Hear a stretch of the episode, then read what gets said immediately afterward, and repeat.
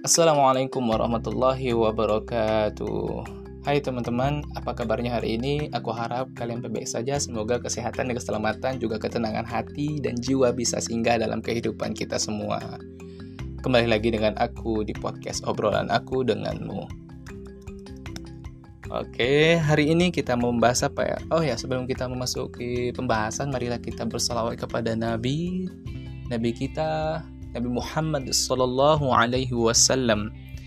Apalah artinya obrolan kita ini tanpa mengucapkan solawat, walaupun kita berbagi share-share tentang agama tanpa bersolawat pun tidak apa, tidak ada gunanya juga tanpa bersolawat. Oke, marilah kita mengucapkan solawat. Allahumma salli ala Sayyidina Muhammad wa ala ali Sayyidina Muhammad. Oke teman-teman, kita masuk dalam pembahasan kita. Kita membahas seputar Ramadan. Oh ya, Ramadan. Uh, Ramadan tinggal menghitung hari lagi ya. Gimana dengan teman-teman? Adakah yang sudah siap untuk melakukan kebiasaan baru di bulan Ramadan? Hah? Kebiasaan? iya dong, kebiasaan baru. I, di bulan Ramadan ini kita melakukan namanya puasa wajib. Puasa wajib, pegang dulu ya. Nah, Mungkin dari teman-teman pasti yang jarang puasa sunnah. Ayo, siapa yang di sini yang jarang puasa sunnah? Aku. aku, aku, aku. aku juga jarang puasa sunnah. Lah, apa hubungannya dengan puasa sunnah? Emang ya? Ya gini, di bulan selain bulan Ramadan kita sering melakukan aktivitas sehingga dengan aktivitas-aktivitas itu membuat kita selalu mengisi tenaga juga energi untuk bekerja semak uh, bekerja semakin giat gitu. Jadi otomatis tubuh ini belum terbiasa dalam keadaan puasa di bulan selain bulan bulan Ramadan. Itu tadi puasa sunnah gitu. Anggap aja lah aku gini. Aku yang tidak pernah puasa sunnah selama Ramadan berakhir tahun lalu sampai jumpa Ramadan lagi yang besok yang akan datang lagi, kira-kira apa yang dirasakan tubuh ketika pertama kali berpuasa? Ayo. Nah, karena aku jarang berpuasa sunnah, mungkin tubuh aku ya kelelahan, mual, kedinginan, menggigil, kelemahan ya kayak orang uzur lah. Kayak orang-orang dalam mah kayak gitu. Uh, uh, entah ya tidak aneh lah, astagfirullah gitu kan. Nah, dengan contoh aku yang di atas tadi kira-kira menurut teman-teman siap nggak untuk berpuasa? Ya harus siap dong walaupun tanpa berpuasa sunnah kan. Yaitu ya namanya pendakian pendakian menuju puncak. Ya mungkin awalnya kita seperti mual, kedinginan, menggigil, kelemahan gitu kan. Nah, gini, uh, kita harus semangat dalam menempuh puncak kemenangan gitu. Karena puasa Ramadan ini adalah ajang kita untuk mencari rahmat Allah dan juga ampunan dari Allah. Kita sadar dosa masing-masing dari kita termasuk aku, dosa yang segede gunung Bromo itu. Namun sebesar apa pun dosa yang kita dapati, ingat teman-teman, sebesar apa pun dosa yang kita dapati yang telah kita lakukan, ampunan Allah jauh lebih luas dari hukuman yang Allah peringatkan ketika melakukan dosa. Itu dia, intinya itu di bulan ini selain mencari ampunan dan rahmat Allah, Allah memberikan kesempatan kita untuk meningkatkan takwa lebih dalam. Meningkatkan takwa. Dalam Quran surah Al-Baqarah ayat 182. Ya ayyuhalladzina amanu kutiba alaikumus siyam kama kutiba alal ladzina min qablikum la'allakum tattaqun. 182 ya? 183 maaf. 183 183 ya? Uh, wahai orang-orang yang beriman diwajibkan di atas kamu berpuasa sebagaimana diwajibkan atas seseorang sebelum kita. Agar apa? Agar kita menjadi hamba yang bertakwa. Itu teman-teman. Menjadi hamba yang bertakwa. Kira-kira amalan apa yang kita lakukan sehingga di bulan Ramadan ini kita mendapatkan titel takwa tadi? Banyak sih. Termasuk perintah puasa tadi di Quran surah surat uh, Al-Baqarah 183 tadi. Namun harus ingat amalan takwa bukan puasa saja, teman-teman. Buka Quran surah Al-Baqarah di awal Al-Baqarah itu ayat 2 sampai 5 itu. Dzalikal kitabu la raiba fi hudal lil muttaqin.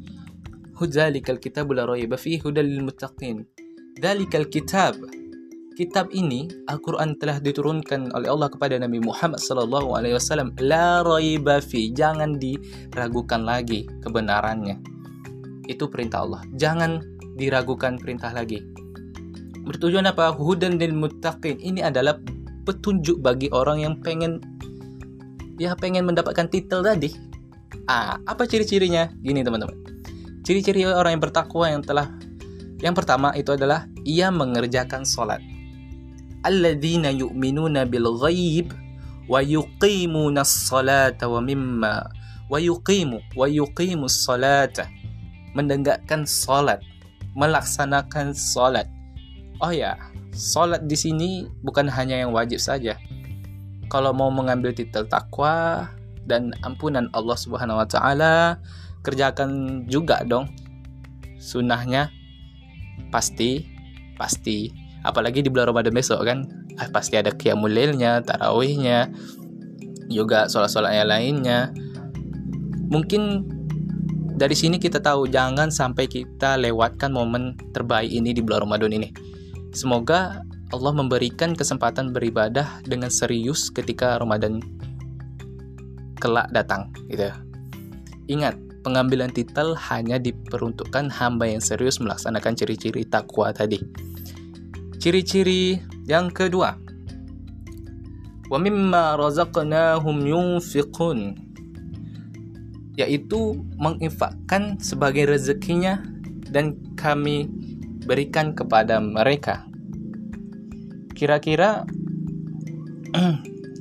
keseriusan kita untuk mengeluarkan uang itu untuk berinfak kepada yang lebih membutuhkan ada enggak? Nah, gini. Ya aku seorang mahasiswa yang berpenghasilan tidak sebanyak dengan yang lain gitu. Tapi tetap yang namanya perintah tetaplah kita taat kepada apa yang telah diperintahkan gitu. Keluarkanlah uang yang kita miliki kepada yang membutuhkan. Duit yang kita kumpulkan itu tidak ada untungnya kelak gitu. Duit untuk jalan-jalan keluar ke sana ke sini yang hanya mempercuma-percuma gitu aja hasilnya gitu. Duit ya kebanyakan untuk dipamerkan gitu. Ketika nggak ada duit hmm, makan nasi pun payah kan? Maka keluarkanlah di jalan Allah. Banyak anak yatim yang kurang perhatian di sana. Bagilah sedikit hartamu walaupun hanya sedikit seribu perak yang kita punya. Jangan sangka itu milik kita seutuhnya justru ada sebagian kecil untuk orang lain hakikatnya hakikatnya hakikatnya ketika kita mencari harta itu mempunyai tujuan yaitu untuk dikeluarkan di jalan Allah Subhanahu wa taala. Yang pertama, keluarkan untuk kebutuhan kita supaya kita bisa beribadah kepada Allah Subhanahu wa taala. Ya kan? Kedua yaitu mengeluarkan infak bagi orang yang membutuhkan dari hasil payah kita gitu. Bukan berbangga-bangga memamerkan harta di hadapan orang banyak, Di situlah penyakit kita sebagai manusia, mempertuhankan hartanya, menjadi hamba harta. Itu. Jadi teman-teman kita sebagai termasuk aku juga sebagai hamba Allah, kita harus maupun keadaan lapang dan sempit, kita harus bisa mengeluarkan apa yang dari kita jerih payah tadi untuk mencari sebuah harta ya. Oke. Ya ciri-ciri ke selanjutnya ya. Ciri-ciri selanjutnya ya di ayat keempatnya walladzina yu'minuna bima unzila ilaika wa ma unzila min qablikum wa bil akhirati hum yuqinun. Kita sebagai orang beriman harus mengimankan apa yang diturunkan kepada Allah Subhanahu wa taala kepada kita. Ingat, apa itu? Al-Quran.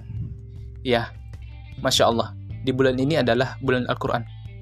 Di mana Al-Quran diturunkan yang bertujuan mencari, menjadikan manusia itu lebih bermanfaat di, uh, di saat ia hidup. Ya kan? Menjadi hamba yang lebih taat. Menjadi hamba yang tegas ketika kemungkaran yang muncul, yaitu hudal linnas. Ini dia tujuan Al-Quran diturunkan hudal linnas. Syahrul ramadan alladhi unzila fihi al-Quran hudal linnas hudal linnas. Itulah tadi. Jadi seluruh manusia jika kita sebagai hamba Allah ingin mendapat petunjuk maka ikutilah Al-Quran ini. Hudal linnas. Bukan hudal Israel hudal, hudal libani Israel atau umat-umat yang lainnya. Tapi hudal linnas begitu luasnya ampunan Allah kasih sayang Allah untuk para hambanya yang ingin berubah menjadi lebih baik dari sebelumnya gitu. Kira-kira di bulan Ramadan ini ada nggak teman-teman ingin menghatamkan Al-Quran beberapa kali gitu? Atau bagi yang ingin menghafalkannya atau ingin mempraktekannya atau mengaplikasikannya terserah kita masing-masing. Kalau saya ya masih pada umumnya ya membaca dan memahaminya gitu. Dan berusaha untuk mengaplikasikannya. Ya membaca agak dua halaman setelah sholat lah. Jadi kita dapat satu hari itu satu juz. Siap sholat fardu. Ya buka buku atau PDF tafsir ya PDF sudah banyak di internet. Lalu baca tafsirannya lalu pahami makna ayat itu dengan alat bantu tadi yaitu tafsir. Tafsir tadi tafsir itu adalah alat, alat bantu untuk kita memahami Al-Quran ya teman-teman ya. Tafsir dari karangan-karangan syekh-syekh kita banyak. Syekh Buya Yahya Syekh Sayyid Qutub uh, yang paling terkenal Ibnu Katsir gitu.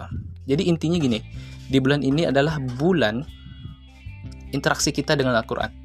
Sebenarnya bukan bulan ini saja ya, selain bulan Ramadan harus juga mungkin dari segi waktu dan keseriusan untuk membaca dan memahaminya di bulan Ramadan lebih dapat lebih tepat untuk melaksanakan daripada bulan yang lain.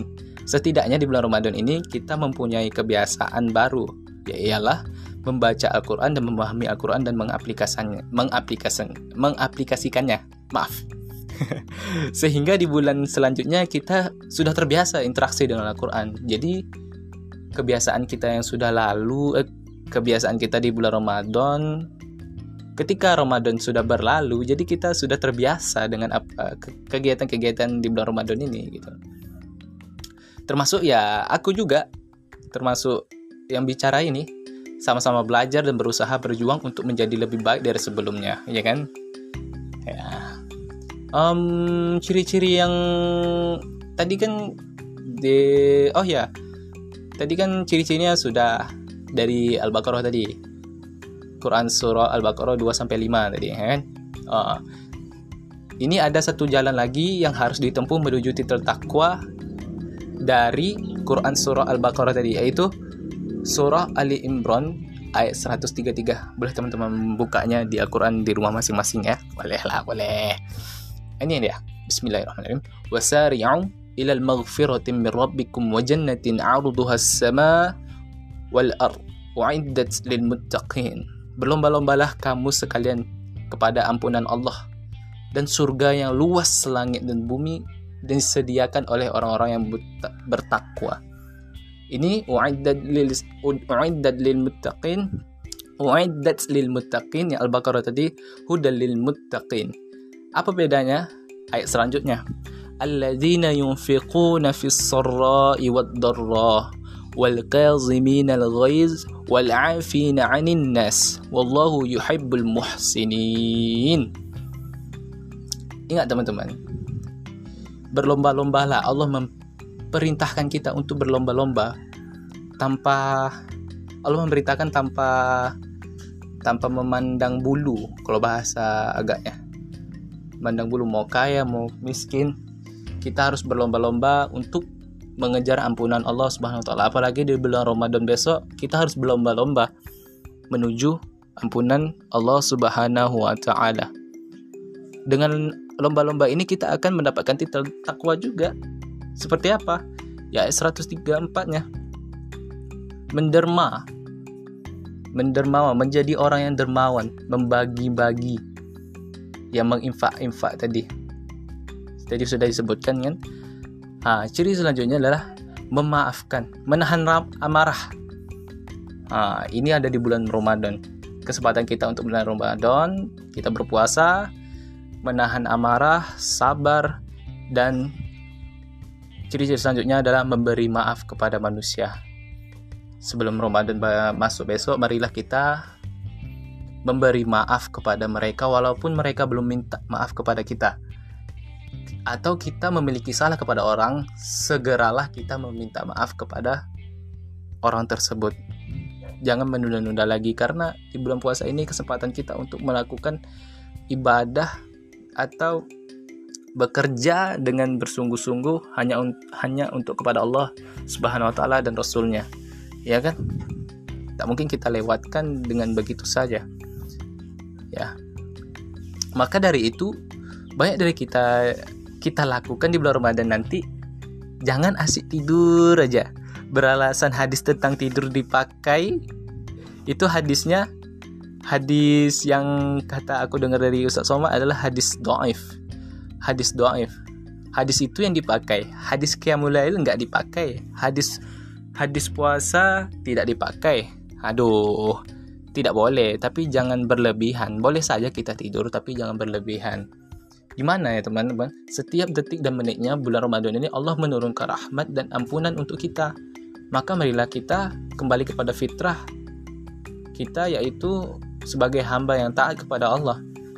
Pada siangnya kita jangan jangan membuang-buang waktu untuk